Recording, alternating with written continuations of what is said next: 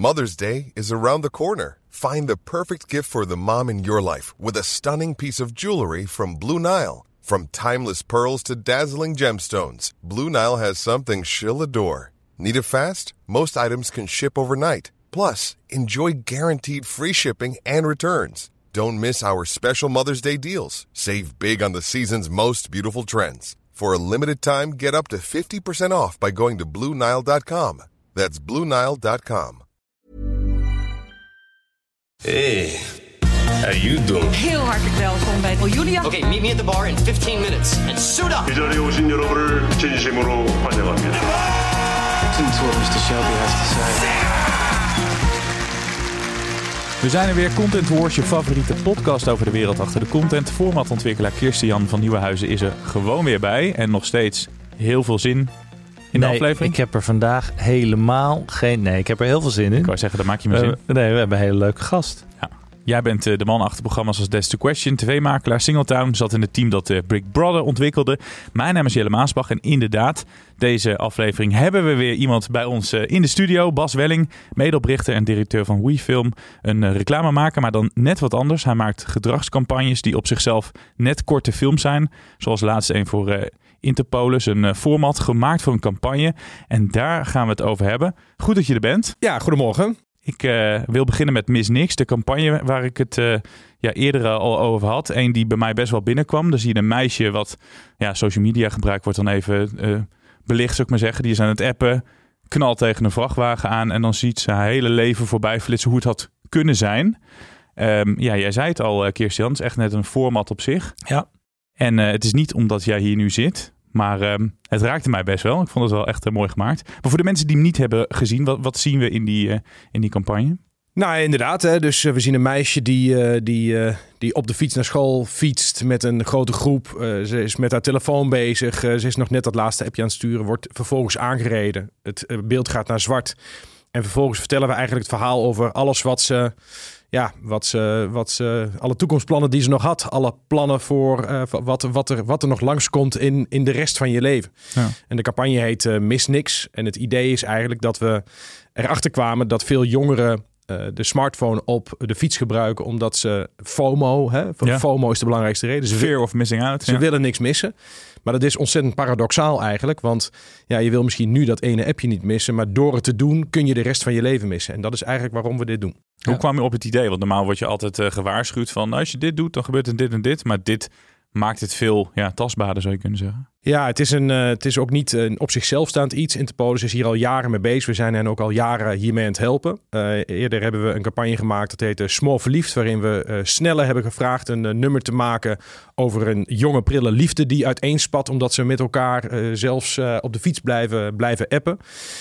En dat werkt ontzettend goed. Dat nummer werd een nummer één hit. Ja. Maar we zagen ook dat dat jongeren echt raakt, bezighoudt en ze ook weerhoudt om dan dat te gaan doen. Hè. Dit, dit is een manier om in de huid te kruipen van jongeren op een manier die niet eh, eh, belerend voelt, eh, die niet vingerwijzend voelt.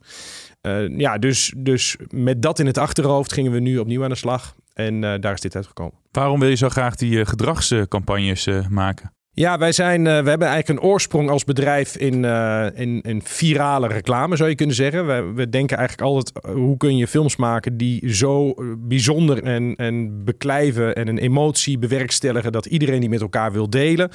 Ehm, en op een gegeven moment kwamen we erachter dat eigenlijk dat principe van creativiteit gebruiken die, die rondgaat, dat dat ontzettend goed kan werken om maatschappelijke kwesties beter te pakken. En Mhm. zo'n punt als appen op de fiets, ja, de overheid heeft inmiddels eh, de boete verhoogd, het aantal politieagenten verdubbeld. Eh, De, de- iedereen weet dat het niet mag, maar iedereen doet het toch.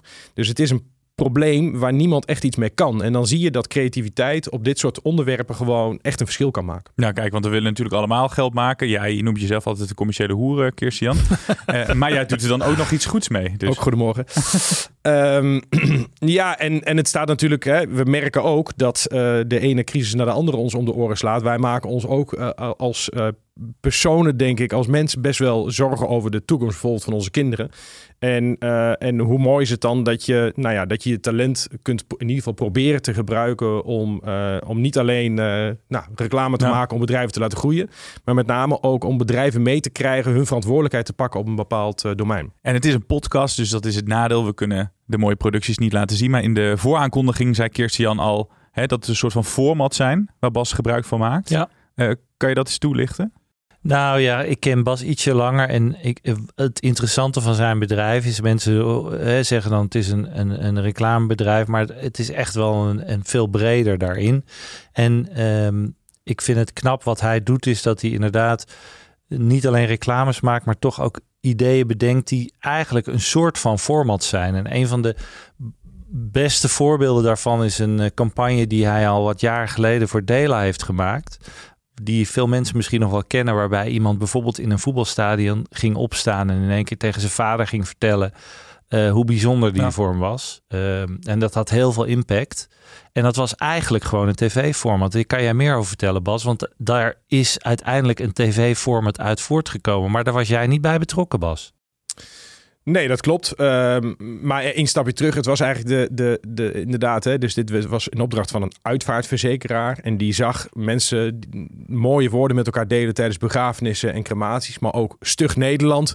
Uh, ja, zij zagen ook letterlijk dat er vaak pas veel mooie woorden op dat moment uitgesproken waren. En ze zeiden, zouden we ons als missie kunnen maken om Nederland te stimuleren dat net even wat eerder te doen. En toen we bedachten wij samen met het hele team eigenlijk van hoe mooi zou het zijn als we dat niet gescript doen met acteurs op gecaste locaties, mm -hmm. uh, helemaal mooi uitgescript, precies wanneer die traan komt met acteurs. Maar gewoon op zoek gaan in Nederland naar mensen die dat eigenlijk wel eens heel graag zouden willen doen. Uh, Zo'n mooi verhaal vertellen. En dan ook op een openbare locatie, zoals een voetbalstadion, een veerpont, een supermarkt. Plekken waar, je, uh, waar andere mensen erbij zijn. En uh, dan merk je inderdaad dat dat, dat dat werkt. Dat dat anders is dan wat mensen in het reclameblok gewend zijn. En, uh, en dat inderdaad ja, Nederland dat oppikte en daardoor iets, iets mooier ging handelen naar elkaar. Maar zie je jezelf dan ook als meer als een format ontwikkelaar dan als een reclame maken? Nou ja, uh, ik vind het altijd interessant dat er zo'n uh, dat, uh, dat er best wel een soort van strakke scheiding lijkt te zijn tussen aan de ene kant formatbedenkers die leuke, mooie dingen bedenken voor tv met ja. als doel om hoge kijkcijfers te halen aan de ene kant. En aan de andere kant reclamedenkers die dan in opdracht van bedrijven alleen maar denken vanuit het belang van dat bedrijf om te vertellen wat zij hebben te vertellen. En dat is een soort rigide tweedeling lijkt het wel. Hè, en ook op tv zie je dat terug. Je hebt de tv-programma's en de commercial breaks. Nou, uh, wij zitten niet aan de ene kant en niet aan de andere kant, maar ergens in het midden proberen altijd in het belang van het merk iets te maken wat iedereen wil zien. En ik geloof ook dat daar dat, dat op die manier tv-land best soms wat meer fluïde zou kunnen zijn. Hè? Dat het best wel rigide is soms. Uh, dat merken zich niet, niet mogen bemoeien met de inhoud van een programma. Ja, of misschien een, uh, een, smoothie aan de, aan de, wat was het? De Lidl smoothie bij The Voice. Nou, dat vind ik eerder tenenkrommend dan dat ja. het er bijdraagt. Product placement. Ja, de product placement, ja. Dus ja, de, de echte mooie branded content of product placement concepten, daar zijn er niet zoveel van. En uh, nou ja, dus in die zin, wij denken ook in het belang van ja. het grote publiek en voelen ons dan misschien net wat meer een format bedenken dan een reclame denken. Nou, naar aanleiding van die, van die hele succesvolle Dela-campagne uh, kwamen er toen uh, vragen van zenders die wilden eigenlijk een tv-format daarvan hebben. Dan de grap is dus dat ze dan niet naar jullie toe komen. Uh, hadden jullie dat tv-format willen maken bijvoorbeeld? Want er zijn toen een aantal producenten geweest die hebben geprobeerd om dat te maken. Dat is niet helemaal goed gegaan, geloof ik. Nou ja, dat is in ieder geval niet een heel succesvol programma geworden. En um, wij hebben er natuurlijk wel op afgestudeerd hoe je precies daar de juiste emotie en de juiste, het juiste sentiment neer kunt zetten. We hebben ook wel de luxe dat we mogen denken in vaak uh, kortere content dan, uh, ja. dan afleveringen van een half uur mm -hmm. of drie kwartier. Uh, en daar dan ook wat meer budget aan mogen besteden. Maar de perceptie is al snel, die zullen wel te duur zijn. Dus dat doen we maar zelf of zo, denk ik. Um, Want er is destijds niemand naar jullie toegekomen om te zeggen... kunnen jullie hier een langere versie van maken? Uh, nee, niet op die manier. Nee. Nee, en uiteindelijk zijn jullie benaderd door producenten van hoe hebben jullie dit zo goed gekregen, begreep ik? Ja, precies. Ja, nee, ja, we hebben natuurlijk ook, we zijn ook in Nederland gaan rondzoeken naar interessante mensen die daar dan de hoofdrol in zouden kunnen spelen. Vervolgens ging een tv-producent natuurlijk datzelfde doen en kwam erachter dat dat best wel ingewikkeld was. Daar hebben we nog contact over gehad. Maar goed, uh, uh, hoe dan ook, dat, ja, in, in deze vorm werkte dat heel goed. In ja, die langere tv-vorm werkte versie. het eigenlijk niet. Hoe groot is jullie team eigenlijk? Ons vaste team is zo uh, 20, 25 man. Dat is behoorlijk. we hebben een, een concepting-afdeling die eigenlijk continu dit soort plannen bedenkt. Ook huh? een eigen productietak met een uh, grote groep uh, regisseurs en producers. En we hebben ook een mediatak die de uitrol verzorgt. Want uiteindelijk gaat het er ook om dat als je iets de wereld inbrengt, dat je het ook op een dusdanige manier doet dat het ook daadwerkelijk, uh, ja, dat je free publicity optimaliseert. Dat je aan elke talkshowtafel zit. Dat je, dat, je, dat je zorgt dat heel Nederland erover heeft. En dat is ook weer een vak apart. Ja, maar het is eigenlijk gewoon echt het tv-vak wat ik hier, wat, wat jij ook vaak hebt verteld, hè, Kirstian, wat ik hier voorbij hoor komen. Het, het schuurt er heel dicht tegenaan. En als je het hebt over de laatste, nu de FOMO waar je het eerder over had, daar zit ook een soort van format element in met een grote zwarte doos.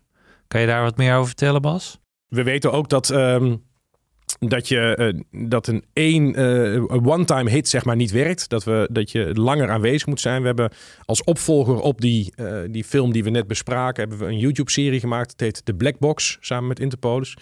En dat is eigenlijk een, een format waarin een groep jongeren iets gaat doen... wat ze altijd al op een bucketlist had staan. Een groep vrienden die met elkaar gaan parachutespringen... of de Efteling voor zichzelf krijgen of iets heel vets gaan doen. Alleen er ter plekke achterkomen dat één van hen, één van die vrienden niet mee gaat doen en eh, die hele periode in een black box komt te zitten. Eh, en op een schermpje mee mag kijken naar de anderen. En wat je dan eigenlijk merkt is dat dan, ja, zowel voor diegene, maar ook voor al die anderen, eigenlijk de lol er meteen af is. Ja, dat snap ik. Waar halen jullie eh, inspiratie vandaan? Nou, wij zijn best veel bezig met, met grote maatschappelijke onderwerpen die moeilijk te, te, te, te draaien zijn. Dus we halen best veel van onze inspiratie ook uit, ja, uit gedragsverandering. Hè? Uit hoe ga je eh, vastgeroest eh, eh, gedrag, zoals app op de fiets, dat is uiteindelijk ook een verslaving. waar jongeren ook niet continu bewust van zijn. Hoe ga je dat tegen en welke, nou, welke psychologische trucken zijn er om ze ertoe te bewegen daar anders over na te denken. En wat we nu veel terug horen, en dat is heel mooi om te horen, is dat veel jongeren, maar ook hun ouders die dit dan gezien hebben, en hè, die zien dit een beetje het horrorscenario van hun kind, Ja. eh, dan zeggen op het moment dat ik dan op de fiets zit en mijn telefoon trilt, denk ik weer terug aan dat moment van dat meisje dat daar fietst. En dat is de, precies de, ja, de psycholo- psychologische engel die wij gebruikt hebben bij het maken hiervan. Heb je ook types als Kirstian van Nieuwenhuizen die dan eigenlijk altijd voor televisie of voor een streamer wat maakt die, die denken, hey, ik wil voor Bas werken?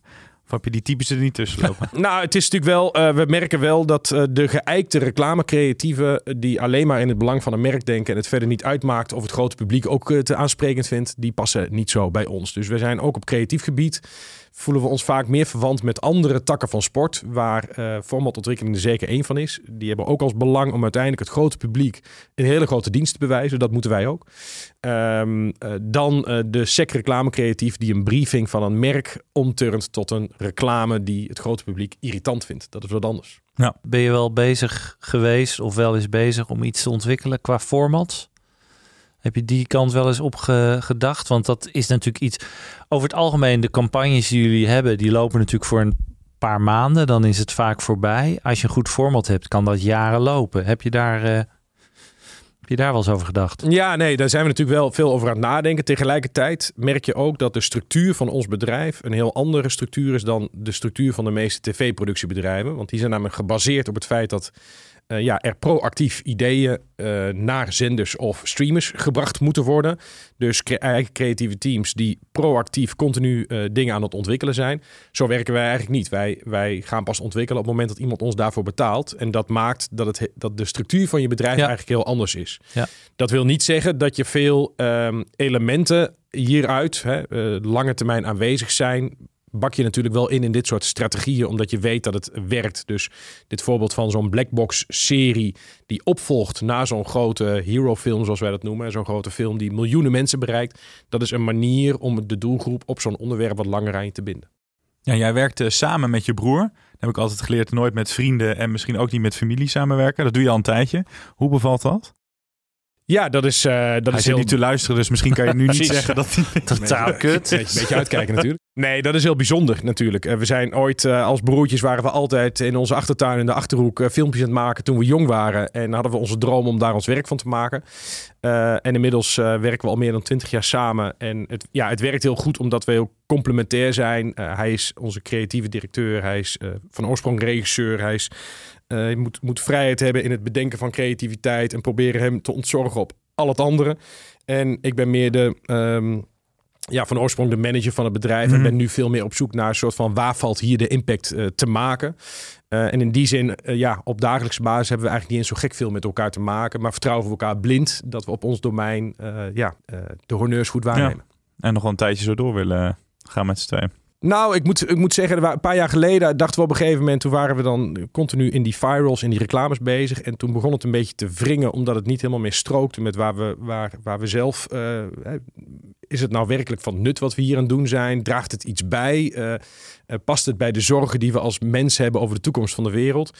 En nu, een paar jaar later, zijn we dus eigenlijk 90% van ons werk gaat echt over impact eh, en gedragsverandering. En dat kunnen we tot ons pensioen doen, omdat dat heel erg voelt dat, we, Ja. eh, ja, dat dat bij ons past. Wel grappig, want je bent knijter succesvol. Je hebt miljoenen views met al die filmpjes. Maar toch denk je op een gegeven moment, ik moet toch wel iets nuttigers gaan doen dan dit. Ja, ik heb ooit een advies gekregen en dat was een, een, een, eh, iemand die zei: eh, uiteindelijk moet je voorkomen dat je in dienst komt te staan van je eigen bedrijf en moet het bedrijf in dienst blijven staan van jou. Eh, en dat vond ik een heel nuttig, nuttige tip. Dat je één keer in de zoveel tijd ja, bij jezelf te raden moet gaan: ben ik nog happy wat ik hier aan het doen ben, ondanks dat het een goed lopend bedrijf is. Want uiteindelijk hou je het niet vol als je daar zelf niet happy mee bent. Dus hebben we best radicaal de zaak een beetje omgegooid. En uiteindelijk, nu een paar jaar later, eh, lijkt dat te gaan lukken. En dat is natuurlijk eigenlijk nog wel voldoende dan. En al sinds je zestiende aan het ondernemen? Ja. Ongekend. Ja, Nooit een baas gehad. Nee, nooit een baas gehad. Kijk, dat is lekker. Ongelooflijk, hè? Dat is beter Ja. werken. Dat is volgens mij heel veel millennials die nu, of jongeren, die hebben allemaal die droom. Hè? Nooit voor een baas te Ja. werken en succesvol te worden. Je hebt redelijke, eh, traditionele, eh, een beetje saaie studies gedaan, als ik het zo mag chargeren. Eh, terwijl je een heel creatief beroep en eigenlijk vanaf je zestiende al heel creatief bezig was. Waarom, hoe is dat gelopen? Dat je economie hebt gestudeerd, volgens mij? Ja. Ja, dat was wel een wonder. Ik had dus een broer die vier jaar ouder was. Eh, we waren altijd filmpjes aan het maken. Hij ging filmacademie doen Ja. en eh, was klaar op de filmacademie. Ehm, en op dat moment moest ik eigenlijk mijn studiekeuze bepalen. Eh, en hij werd gescout door, door een groot commercial productiebedrijf in Amsterdam. Als jonge, veelbelovende regisseur. En hij zei maar één ding. Ik heb een broertje en dat is mijn producer. Eh, ik was toen 18 of 19 en ehm, eh, kon, kreeg toen de mogelijkheid om heel veel vette dingen te doen. Tegelijkertijd dacht ik, ik moet ook wel studeren. Dus ik moet een studie kiezen die me niet te veel tijd kost. Waar ik geen, niet te veel verplichtingen heb om aanwezig te zijn. Ah, dat was en, het. eh, en eigenlijk heb ik die periode 70% gewerkt. En waren we aan het draaien in Zuid-Afrika en in Argentinië. En af en toe tegelijkertijd in de collegebank in Amsterdam. Maar Filmacademie was voor mij op dat moment niet de logische keuze geweest. Want daar heb je die verplichting om daar vier jaar lang elke dag te Ja. moeten zijn. Dus dat was dan niet te combineren geweest. En economie is ook een goede basis. Nou ja, nu hij de zakelijke, hè, Ja. wat je zelf zegt, de zakelijke kant vooral vertegenwoordigt, is dat natuurlijk wel handig. Wij zijn hier toch van de, van de films en series. Sorry dat we toch elke keer op dat punt uitkomen. Want we, misschien willen we hem gewoon ook in die wereld eh, terecht zien komen. Maar is het ook iets dat je denkt...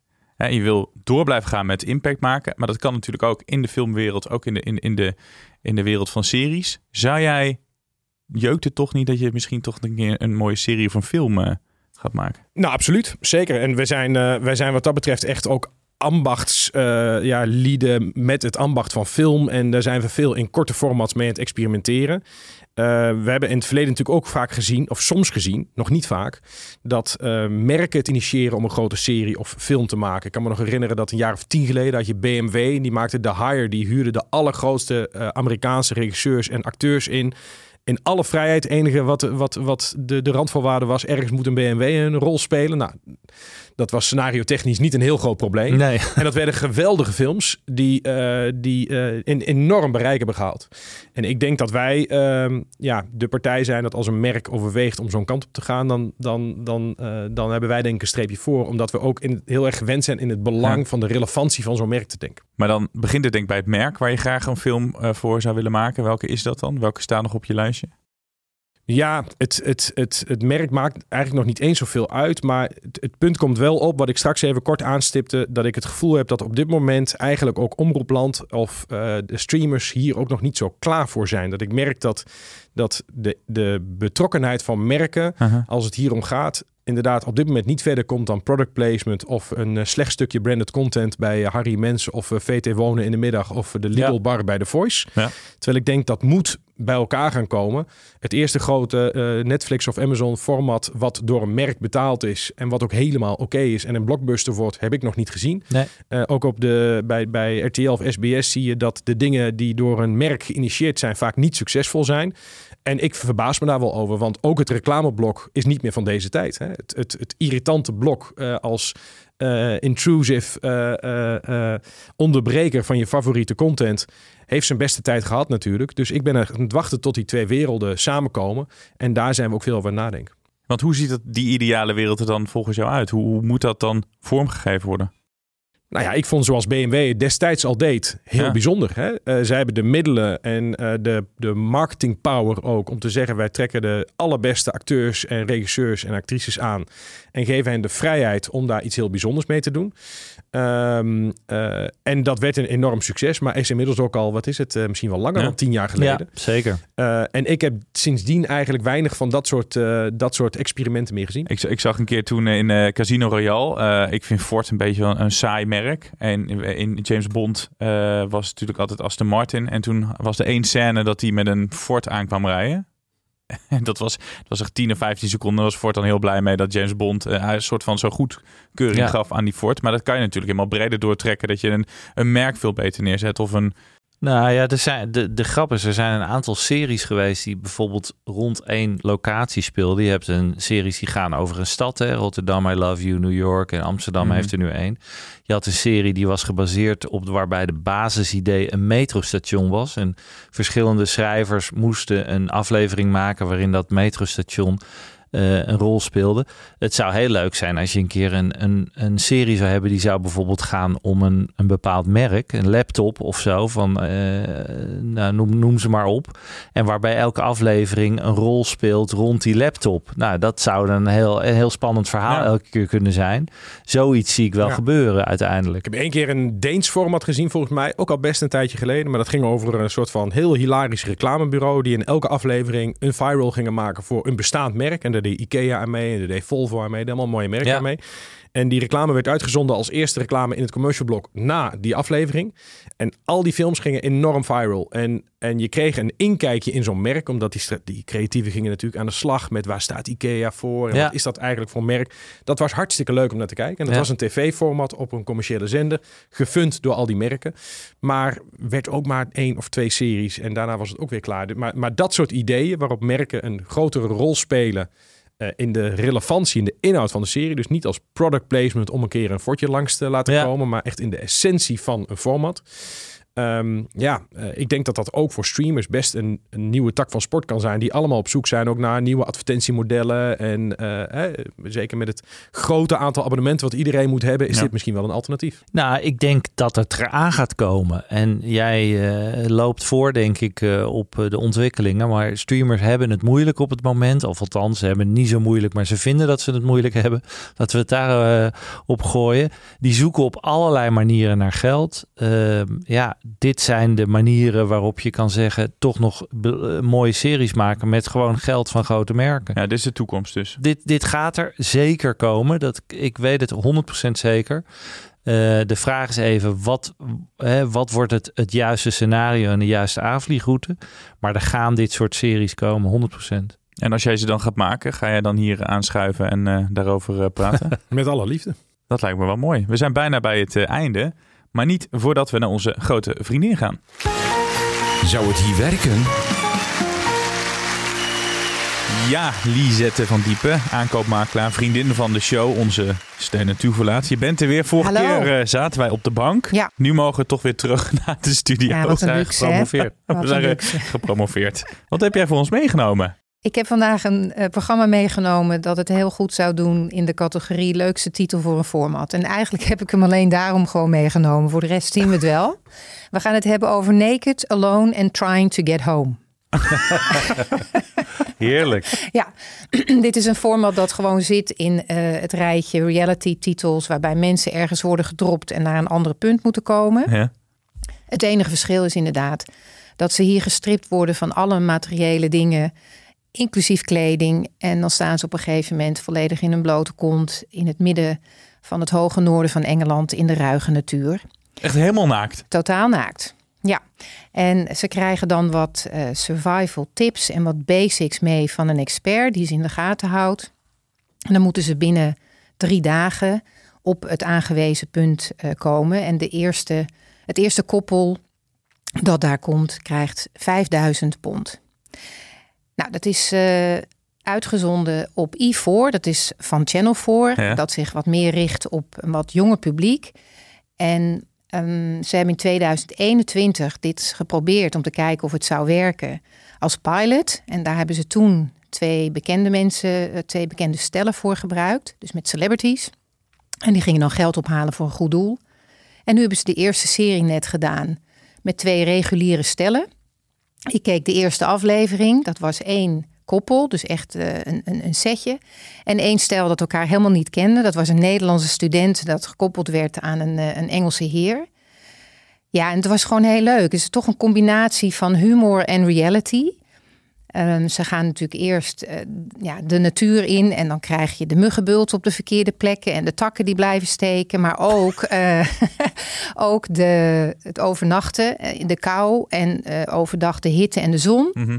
Uiteindelijk komen ze natuurlijk in kleine dorpjes. En dan moeten ze mensen tegenkomen. Of in ieder geval uitleggen aan mensen wat ze aan het doen zijn. Het heeft ook een beetje het gevoel van hunted soms.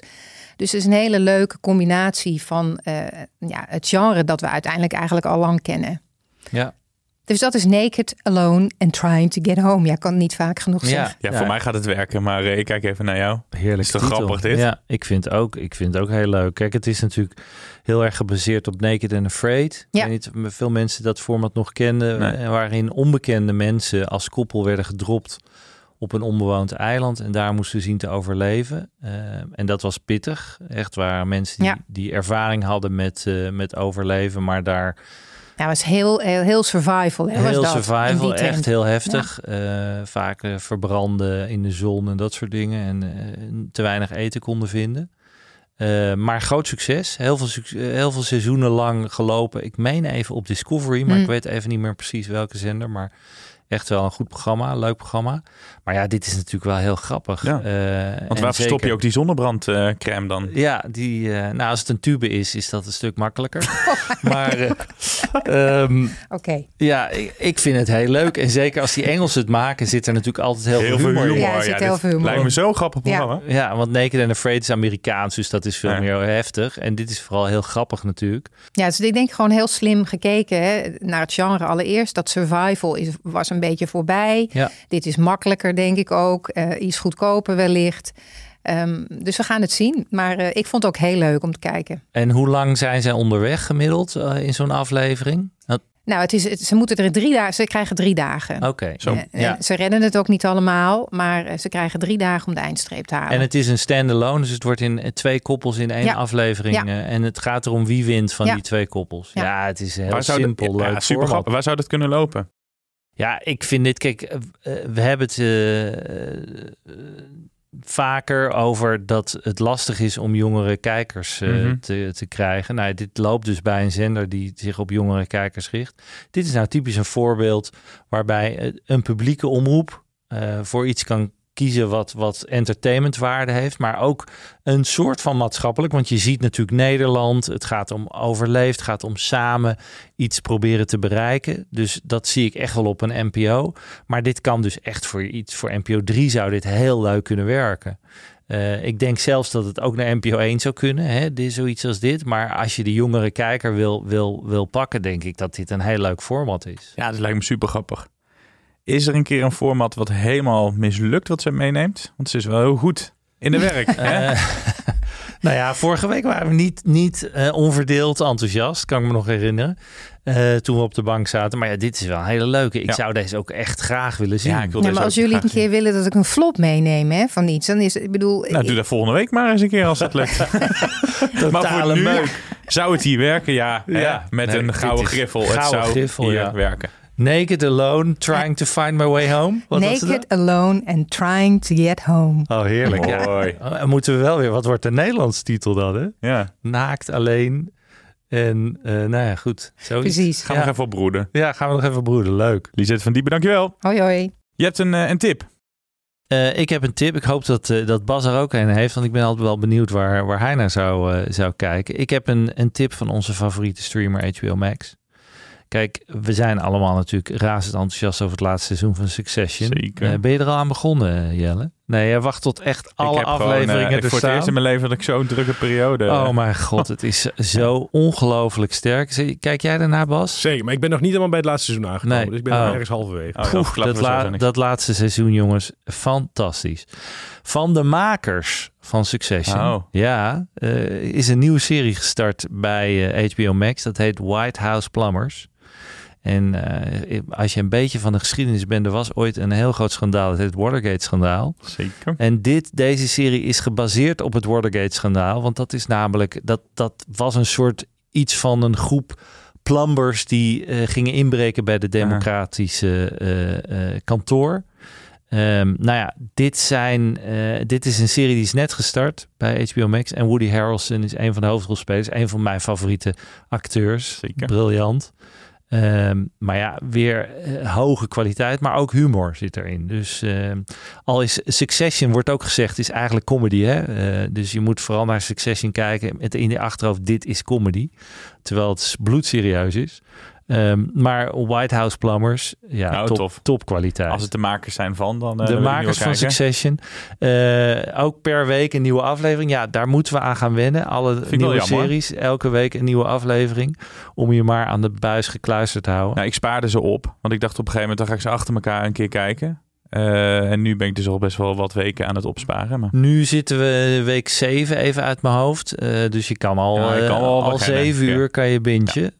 oh heerlijk. Wou dat ik het opnieuw kon kijken. Heb jij een serie die je op dit moment kijkt of veel een kijken? serie hoeft niet alleen een serie te zijn. Het mag ook een, eh, format. een format zijn. Of Nou een- ja, ik, eh, ik luister regelmatig naar jullie format en dan hoor ik ze allemaal langskomen. Dus alles wat in mijn hoofd opkomt is dan de afgelopen weken hier al de revue gepasseerd. Maar ik, ik zou dan toch, eh, en, en misschien even uit de oude doos en in het kader van het gesprek waar we het net over hadden, dan eh, die, eh, die BMW-films van The Hire eens aan willen raden om daar nog eens naar te kijken. Ook al zijn ze tien jaar oud, ik vind ze nog steeds eh, geweldig goed gemaakt aan de ene kant, maar aan de andere kant een inspiratie voor hoe eh, merken en hele goe- goed entertainment samen kan komen, gemaakt door de allergrootste makers met, met een enorme blockbuster als succes. En eigenlijk voor mijn gevoel in Nederland nooit echt heel bekend geweest of groot geworden of door iemand uitgezonden bijvoorbeeld. Eh, eh, alleen op YouTube te vinden. Nou ja, alleen daar.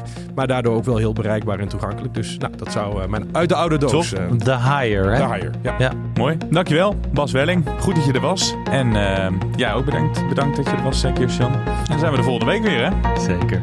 Tot dan.